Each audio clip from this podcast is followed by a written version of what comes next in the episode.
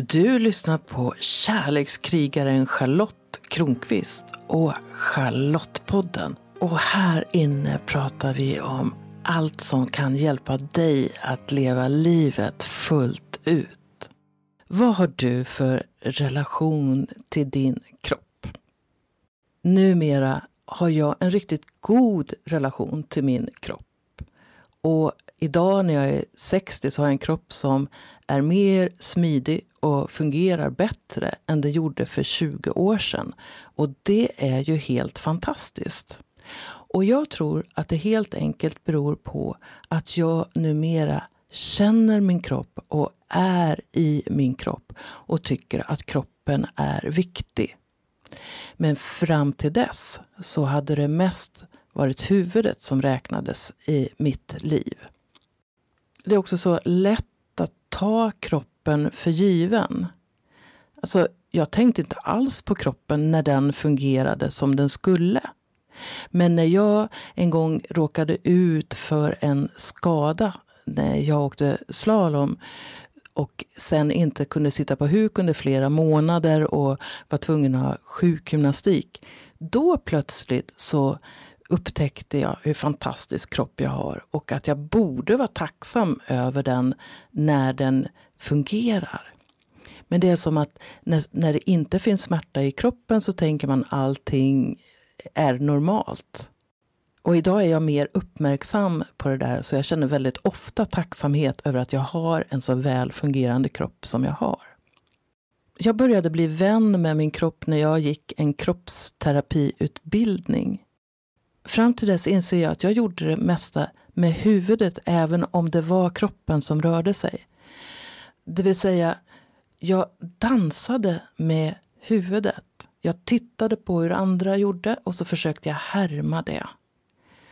Så väldigt mycket av det jag gjorde med min kropp var att härma andra. Men det var som att jag styrdes helt utav huvudet. Och jag minns en gång när en lärare sa till mig Charlotte, låt kroppen dansa dig. Och jag tyckte att det var det dummaste jag hade hört någon gång. Vadå, låta kroppen dansa med mig? Och då fick jag stå där i ett hörn för mig själv och vänta in att kroppen började röra sig.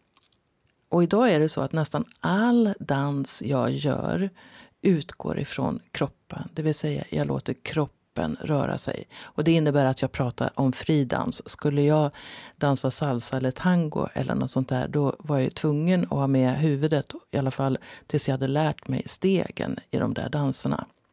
Och det är för övrigt ett av skälen till att jag varken kan tango eller salsa. Det, när jag har försökt så kommer jag upp i huvudet och tappar liksom bort kroppen. För jag, för jag blir så här, eh, vänta nu, var skulle jag ta vänsterfoten nu och hur skulle jag göra nu? Och då tappar jag kontakten med kroppen. Och jag funderar på hur det är med dig. Vilken relation har du till din kropp? Både hur du ser på den och hur du använder den. För jag tror att det kan vara riktigt dåligt att ignorera kroppen och bara vara i huvudet. För det kan betyda att vi misshandlar kroppen på olika sätt. Och när vi inte bryr oss om kroppen så kan det betyda också att vi inte bryr oss så mycket om vår hälsa. Och man kan se på kroppens funktioner ur många olika sätt. Dels är det att kroppen ska fungera och kunna göra saker. Man skulle kunna idrotta, gå, springa, yoga, meditera, allt man vill göra med kroppen. Men det handlar ju också om hur du ser på kroppen.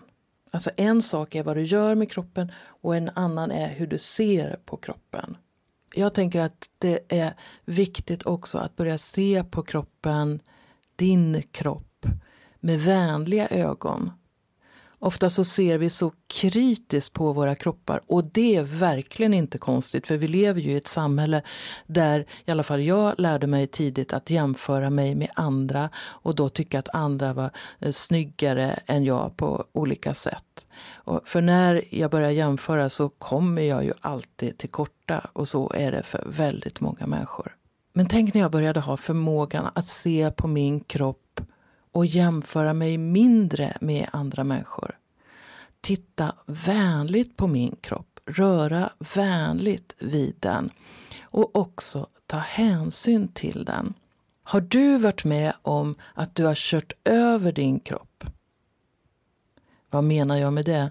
Jo, jag har kört över min kropp så till den milda grad att jag har varit en fara för mitt eget liv och också för en annan, ännu ofödd persons liv.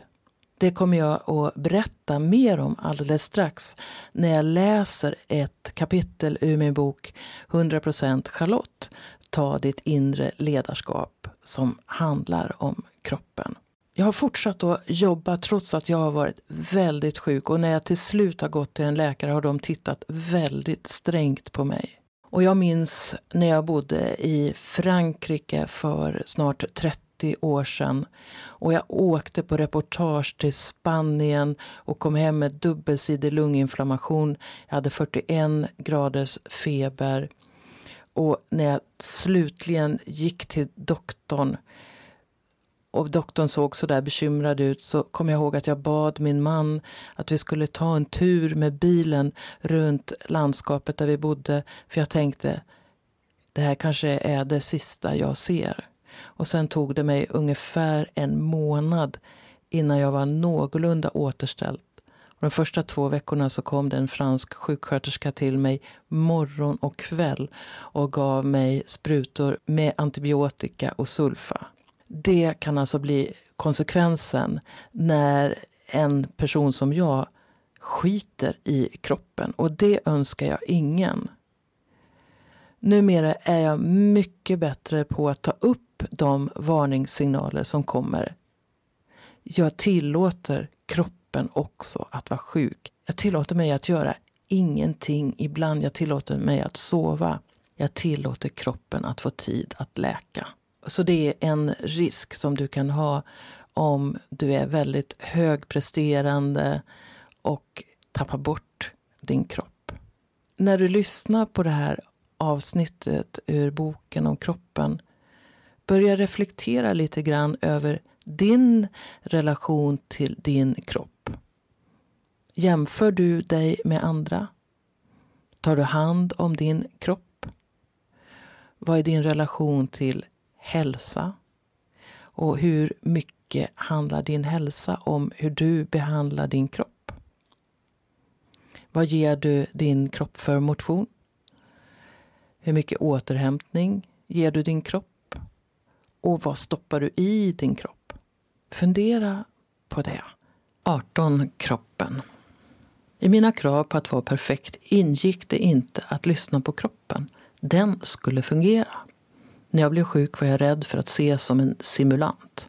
Därför fortsatte jag jobba även när jag var sjuk, ibland med fara för livet.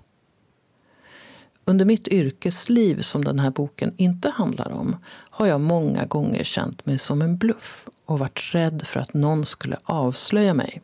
För att undvika det gällde det att till varje pris leverera i tid, även om det innebar att jag körde över kroppen den stora återkommande frågan var när skulle jag genomskådas? När skulle de komma på mig? När skulle jag få skämmas offentligt? Genom livet har jag burit med mig krav på att vara bäst och vinna. Kunskap har varit mitt främsta vapen. Det var bara en kroppsdel som var viktig, min hjärna. Dess uppgift var att leverera och det gör den för det mesta. Problemet var kroppen. De första 40 åren av mitt liv var jag aldrig särskilt uthållig vad kroppen anbelangar. Den skulle bara fungera. Undermedvetet gjorde jag yrkesval där mina prestationer ständigt kunde bedömas och där jag hela tiden måste spänna bågen och prestera lite till. När barnen var små sa jag upp mig från en fast, trygg och välbetald anställning som journalist för att börja frilansa. Gjorde jag ett dåligt jobb riskerade jag att inte få nya uppdrag. Mina yrkesval fick en del konsekvenser. Jag kunde till exempel inte erkänna att jag var sjuk, gravid eller utmattad. Vi bodde i Frankrike i ett år och jag skulle göra ett reportage i Spanien. Jag åkte dit svårt förkyld och kom hem med dubbelsidig lunginflammation och med 41 graders feber. Så nära döden har jag varken förr eller senare varit. Då fattar jag att det är okej att lyssna på kroppen men jag hade ännu inte gjort hela läxan. Episod. Här förlorar du nästan ditt barn.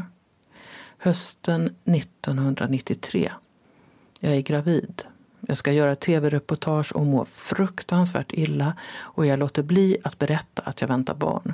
Jag biter ihop och vilar så fort det är möjligt. Dessutom har jag ett stort uppdrag för en myndighet. Jag gör reportage åt en statlig utredning. Jag är duktig och kämpar på. Jag klarar min deadline utan att någon känner till min graviditet. En dag när jag sitter på min arbetsplats börjar det störtblöda. Jag hinner tänka missfall och en arbetskamrat skjutsar mig till sjukhuset och de tar vaginalt ultraljud. Fostret lever men jag ska ta det lugnt. Jag är skiträdd och skakad.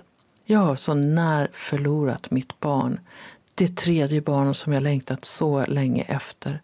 Jag gråter på hemvägen och hör förmaningarna om att ta det lugnt. Jag blir sjukskriven på halvtid av min barnmorska och förbjuden att lyfta tungt. Det är runt jul och jag får titta på medan julförberedelserna pågår. Det är ganska jobbigt och samtidigt helt ljuvligt för mig att ha läkarorder på att inte röra en fena. En bit in på det nya året är min barnmorska bortrest och jag får en annan. Hon tittar på min viktkurva. Den går neråt i början av min graviditet med en lite större dykning vid tiden för mitt nästan missfall. Och inte förrän i tjugonde veckan pekar det ordentligt uppåt. Hon studerar kurvan, tittar mig i ögonen och frågar Vad hände där? Jag hade en deadline. Du var nära att förlora ditt barn. Hon pekar på kurvan. Nu måste du våga vara gravid. Håren reser sig på mig när jag skriver det här. Jag var så rädd att sticka ut att jag nästan offrade mitt barn. Inte förrän fostret skrek och läkarna skrek och barnmorskorna skrek vågade jag lyssna på kroppen och verkligen vara gravid. Jag behövde tuffa läxor för att lära mig lyssna inåt. Jag var så rädd för att göra fel att jag blev en livsfara för mig själv. Fortfarande förstår jag inte alltid min kropp eller vad den signalerar till mig. Den måste ruska om mig ordentligt för att jag ska förstå, även om det inte längre går så långt som att jag blir dödssjuk. Idag tror jag på kroppen när jag får ont eller börjar känna mig sjuk. Jag tror att den pratar med mig och ofta handlar det om att jag ska våga säga nej till något. Att jag ska göra tydligare val. Att jag ska välja det som är bra för mig.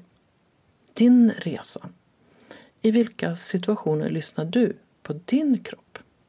Jag ryser när jag tänker på hur nära det var att jag förlorade mitt barn. Tänk att det för mig var på ett sätt viktigare att hålla fasaden uppe i förhållande till uppdragsgivare än att lyssna på min gravida kropp. Det gick ju bra till slut. Efter mötet med den här barnmorskan så började jag lyssna på min kropp och jag insåg att det verkligen var viktigt eftersom jag också hade ansvar för bebisen i min mage. Så om du som lyssnar är gravid, ge dig rätten att vara det. Lyssna på din kropp, lyssna på ditt foster också. Och kanske kan mina reflektioner hjälpa dig att bli snällare mot dig själv och mot din kropp. Kanske du ska ta imorgon och tvåla in hela din kropp och riktigt njuta av det. Titta dig i spegeln och se på dig själv med vänliga ögon. Och vet du att 100% Charlotte Ta ditt inre ledarskap finns som ljudbok också. Av tekniska skäl så kan du inte köpa den på min hemsida. Men den går att köpa hos alla nätbokhandlar. Och den har sammanlagt 52 kapitel som alla kan ge dig ledtrådar till att ta mer plats i ditt liv och reflektera både över det som du kanske inte tycker så mycket om hos dig själv om allt det ljusa i dig som kanske också ibland är svårt att möta.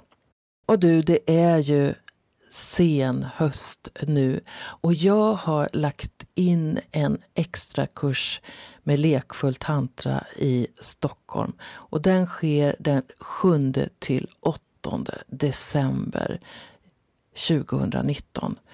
Du är jättevälkommen dit. Kolla in på min hemsida charlottekronqvist.org så hittar du alla aktuella datum. Och du, ta hand om dig och din kropp.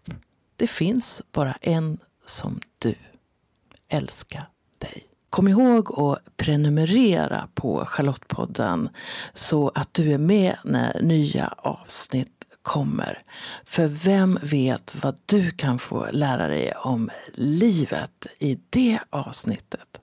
Rekommendera gärna podden till en vän så är du med och sprider vetskap om att den här podden finns och berätta vad den ger just dig. Jag skulle bli så glad om du också går in i din podcast-app och lämnar en kommentar eller skriver en recension av podden. Ju fler som gillar podden öppet, desto fler kommer också att hitta den.